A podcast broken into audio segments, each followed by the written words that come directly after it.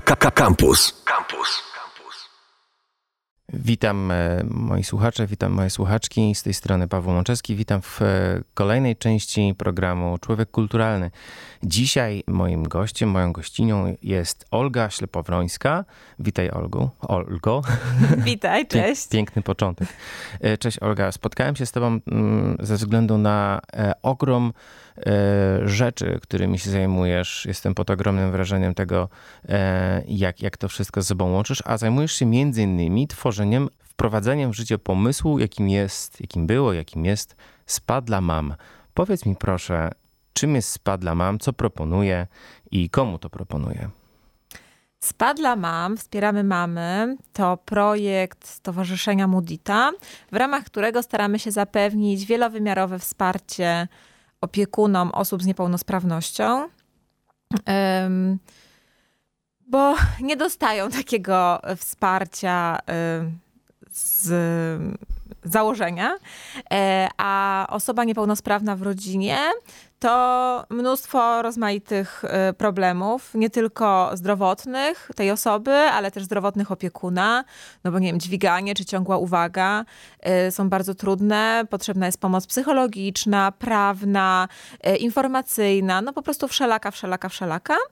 I my y, staramy się o tych opiekunów zadbać. I zaczęło się od takich stref relaksu, y, bo y, zależało nam na tym, żeby stworzyć taką, dotrzeć z taką pomocą wytchnieniową do opiekunów.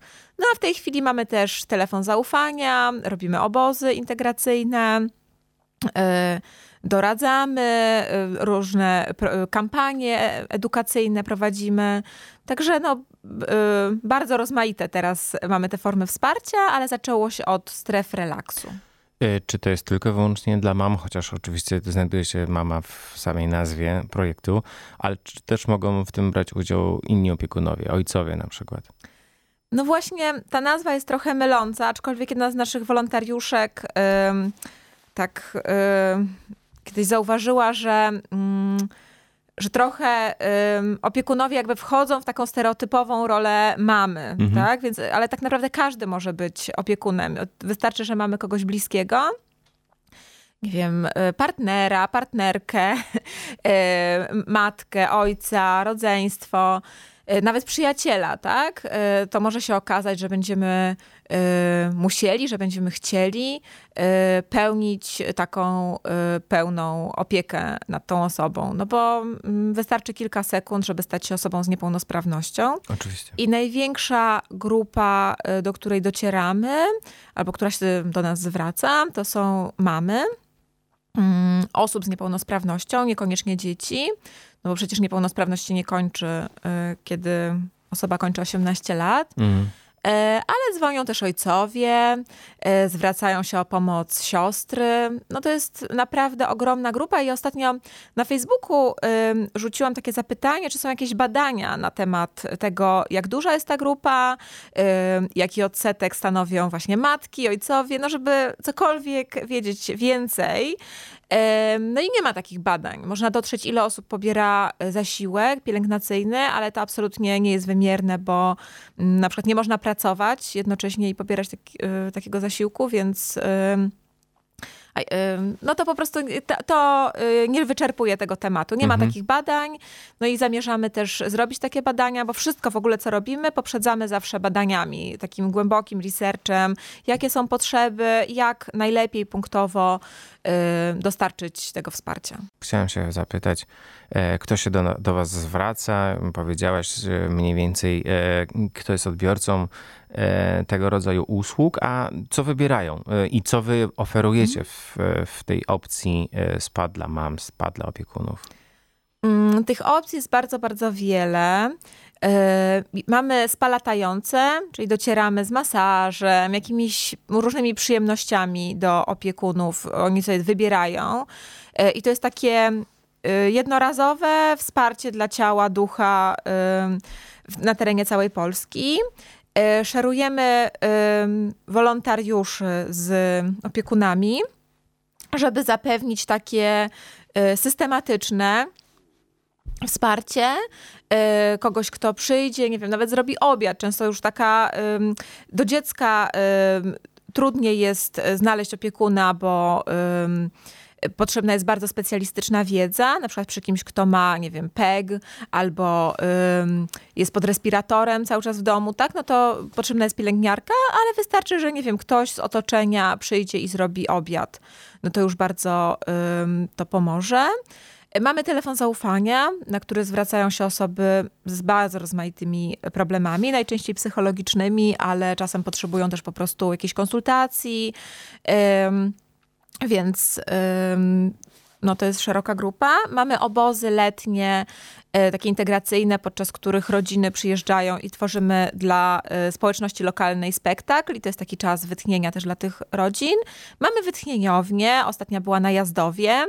Co to e, jest, co ty, przepraszam, że ci wejdę w słowo, co to jest wytchnieniownia? Wytchnieniownia to taka przestrzeń relaksu, podczas której opiekunowie sobie bujają się na hamakach, mają masaże, mogą sobie czytać, czy przez chwilę pogapić się w liście drzew, mm -hmm, a ich dzieci są zajęte, czy ich podopieczni są zajęci. Czyli łapią ten oddech, którego czasami nie, nie sposób złapać w ciągu dnia. Często, y, nie czasami, tylko to trwa latami, że naprawdę nie mają takiego, takiej chwili oddechu. To jest... Y, absolutnie przerażające, no bo w prawach człowieka jest zapisane, że powinniśmy mieć e, czas na odpoczynek, a opiekunowie nie mają tego czasu na odpoczynku, nie mają urlopu, nie mają um, wynagrodzenia, nie będą mieli emerytury za swoją pracę. No bo ten zasiłek pielęgnacyjny no to jest y, absolutnie głodowa sprawa, która nie pozwala na przeżycie w żadnej mierze i y, opiekunowie muszą żebrać, muszą, znaczy no tak to bardzo brzydko nazwę, ale muszą się zamienić w takiego PR menadżera y, swojej sytuacji i no, robić całą taką kampanię, żeby nie zbierać 1%, zbierać na subkonto i tak dalej. No to jest często bardzo upokarzające, ale no są po, mm, już poza, poza tym, że muszą zbierać na leczenie, no to po prostu na to, żeby było na leki, na rehabilitację, która y, najczęściej nie jest refundowana. Y, muszą, y, muszą właśnie zbierać i oni są cały czas w takim ciągłym stresie. Y, często no, niepełnosprawność to jest szalenie szerokie słowo i osobą z niepełnosprawnością jest starsza pani, 70-letnia, nie wiem, chora na Alzheimera i nie wiem, dziecko, które się urodziło z porażeniem mózgowym i 40-letni mężczyzna z niedosłuchem, tak? Oni wszyscy mają niepełnosprawność, ale zupełnie inaczej funkcjonują. Mhm. Więc to jest bardzo, bardzo szerokie pojęcie i bardzo różnych um, um, form wsparcia potrzebują, ale um, więc tak ciężko jest mi mówić o jednej sytuacji opiekunów, ale bardzo często jest tak, że oni nie, sypiają na przykład po nocach, no Rozumiem. bo nie wiem, dziecko ma ataki padaczki. I ja to zawsze porównuję do takiej sytuacji, kiedy. Mm, ktoś o takich samych y, możliwościach, kompetencjach, y, możliwościach ciała, jak ja czy ty, dostaje absolutnie ponad swoje siły zadanie do wykonania Mhm. I, no i po prostu musi je wykonać. No dobrze, a ile kosztuje ta, ta taka usługa? Jeżeli ktoś się do was zwróci, potrzebuje no, chwili oddechu, potrzebuje popatrzeć na te liście, potrzebuje, żeby ktoś mnie wysłuchał, żeby, żeby, żebym mógł odpocząć, to, to ile to nie będzie kosztować? To jest absolutnie, znaczy dla opiekuna to jest absolutnie za darmo. No to mhm. by było bez sensu, gdybyśmy brali za to pieniądze, mhm. bo ci opiekunowie...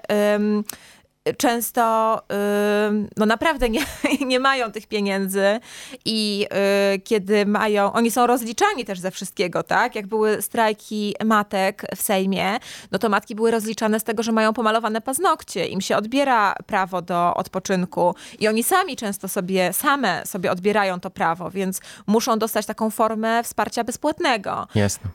Rozmawiamy z Padla Mam o rzeczy, którą wymyśliłeś i którą współtworzysz z grupą osób dla ludzi, którzy zajmują się, którzy są opiekunami, opiekunkami e, dzieci i osób starszych z niepełnosprawnościami e, i potrzebują mm, czasu dla siebie i wy dostarczacie takiej możliwości, żeby, żeby ten czas gdzieś tam się w ich życiu pojawił.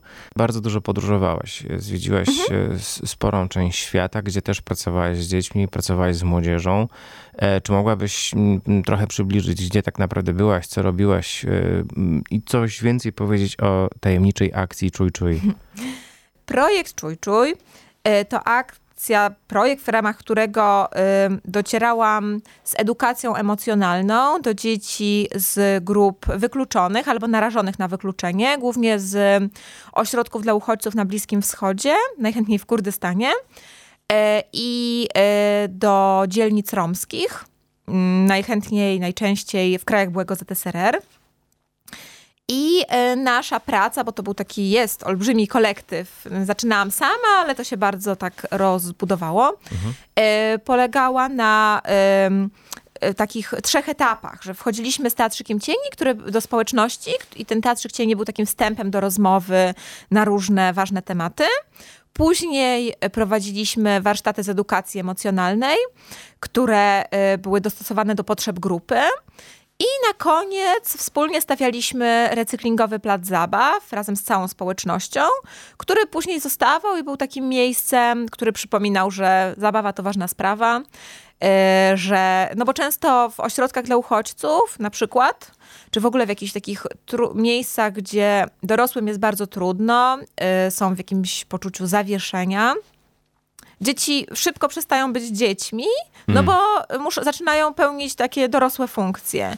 I takie przypomnienie, że, y, że jest takie miejsce, znaczy przypomnienie, stworzenie miejsca, które służy tylko zabawie, y, pomaga wszystkim, i małym, i dużym. Użyłaś słowa recyklingowy, y, plac zabaw recyklingowy, czyli wykorzystaliście, rozumiem, z jakichś rzeczy, które już były na miejscu, tak? Nadawaliście im nowy e, sens? No głównie korzystaliśmy z opon.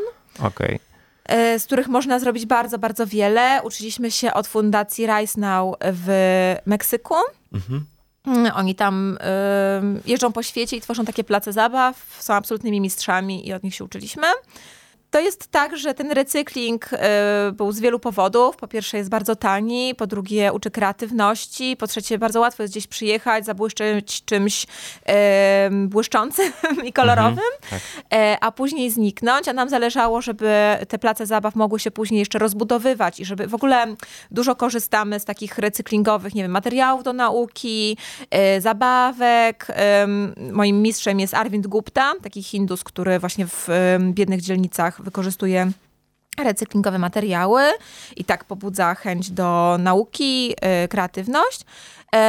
I to jest wiele z tego może wyjść dobrego, ale też idzie zagrożenie, żeby osoby, które i tak już są w bardzo trudnej sytuacji, nie poczuły, że dla nich tylko śmieci. Jasne. Więc te rzeczy muszą być bardzo estetyczne, to muszą być takie. Mm, my się zawsze staraliśmy, żeby to były takie tajemnicze ogrody mhm. z pięknymi muralami, kolorowe, z mnóstwem jakichś tajemniczych zakątków. E, bardzo nam na tym zależało, właśnie na, na tym, żeby jeszcze nie, mm, nie przyczepić tym osobom dodatkowej łatki żeby pokazać też chyba, że takie miejsce, które wydaje się być straszne i mhm. beznadziejne, ma tą nadzieję i, i, i, może mieć jakiś potencjał i, i ukryte tak. wartości. Czego się nauczyłaś, obserwując, y, badając dzieciaki, młodzież za granicą? Co przywiozłeś e, z tych, z tych obserwacji do Polski? Czy, czy jakoś widzisz punkty styczne między, między młodymi ludźmi u nas w kraju, a tymi e, za granicą, które no, niekiedy mają bardzo trudne czasy do mm, przeżycia? Dla mnie fascynujące jest to, pracując na emocjach, miałam często y, okazję to stwierdzić, że dzieci wszędzie zachowują się tak samo, niezależnie od. Y, sytuacji, od kultury, podobnie się wygłupiają, yy, podobnie chcą się bawić. Yy, no i później już jako dorośli tak jakby yy, przyklejają się do nas różne wzorce kulturowe, które mamy i zaczynamy się zachowywać inaczej. Mm, oczywiście było dużo różnic, no nie wiem, y, w, w, kraja, w krajach, gdzie dzieci przeniosły się ze swojego miejsca zamieszkania, które było objęte wojną, no to nie wiem, na rysunkach się pojawiało wiele tęsknoty. Mhm. Y często więcej przemocy, aczkolwiek mhm. jeżdżąc po polskich wsiach również widziałam mnóstwo przerażającej przemocy i nie tylko we wsiach można ją zobaczyć, tak? Takiej przemocy, którą, mm, która mi się śni po nocach i z którą trochę nie wiem, nie wiedziałam co zrobić. Mhm. Więc ciężko mi powiedzieć o jakichś takich, um, nie wiem, różnicach e, wśród dzieci. No na pewno mają zupełnie inną sytuację, często funkcjonują gorzej poznawczo, bo są w, sta w stanie e, bardzo silnego stresu, ale też no mm, sama Polska jest tak zróżnicowana mhm. i na jednej ulicy mogą mieszkać osoby o różnych wzorcach kulturowych. Czasem mam takie poczucie, że nie wiem, mi jest bliżej do jakiegoś, nie wiem, Roma z dzielnicy, do której, w Soroka, w Mołdawii, do której bardzo często jeżdżę, niż, nie wiem, do sąsiada z naprzeciwka, tak, że y, te wzorce kulturowe są bardzo płynne. Mhm. Ale to, co dla mnie było chyba takie najbardziej y, fascynujące i co teraz y, mocno odczuwam, kiedy jestem w Polsce i nie mogę wyjechać, to to, że kiedy jeździłam do ośrodków dla uchodźców, to widziałam cało, całe zróżnicowanie tych emocji, że z jednej strony ogromne cierpienie, które ciężko było pomieścić. Nie wiem, jakieś słyszałam historie ludzi, którzy, nie wiem, potracili pięcioro dzieci, ym, spłonął im dom i, i to było bardzo trudne. Ale z drugiej strony, nie wiem, zaraz ci ludzie mnie zapraszali na kawę, nie wiem, ich dzieci, z ich dziećmi biegałam ym, puszczając latawce. Nie chcę, żeby to zabrzmiało mm, tak trywializująco, ale że tam, gdzie jest cierpienie, jest też często życie i że statystyki w statystyki czy takie e, newsy z, e, z wiadomości po prostu tego nie pokazują i dużo łatwiej jest się znieczulić. Jakby to jest takie najpierw przychodzi takie ogromne, e, nie wiem, no, cierpienie patrząc na, na, na tą sytuację tylko z newsów e, z prasy, a później przychodzi obojętność. I ja bym się bardzo cieszyła, gdybyśmy mieli wszyscy więcej kontaktu z tym innym.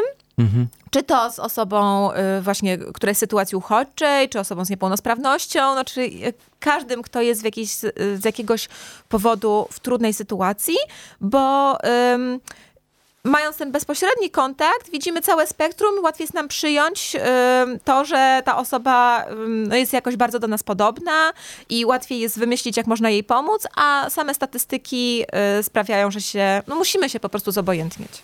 Więcej empatii, Polacy, więcej empatii i chęci do działania. To chyba jest e, dzisiejsza lekcja z naszej rozmowy. Gdzie można Was e, znaleźć? E, jeżeli ktoś, kto nas słucha w tym momencie, chciałby dowiedzieć się czegoś więcej, może znaleźć Was w sieci, w internecie, czy, czy jakaś strona na Facebooku, cokolwiek? Mamy, mm, jako Spadlama, mamy stronę Wspieramy Mamy. E, jesteśmy też na, Instagrama, na Instagramie jako Spadla Mam, na Facebooku. A jako Czuj Czuj mamy stronę czujczuj blogspot.com mhm. e, i mamy e, Facebooka, czuj, czuj, projekt Czuj Czuj. No i bardzo fajnie. zapraszam. Ja też bardzo zapraszam, oboje bardzo zapraszamy. Moim gościem była e, Olga Ślepowrońska. Bardzo Ci dziękuję za rozmowę. Dzięki serdeczne. Wszystkiego dobrego. Do usłyszenia. Same sztosy.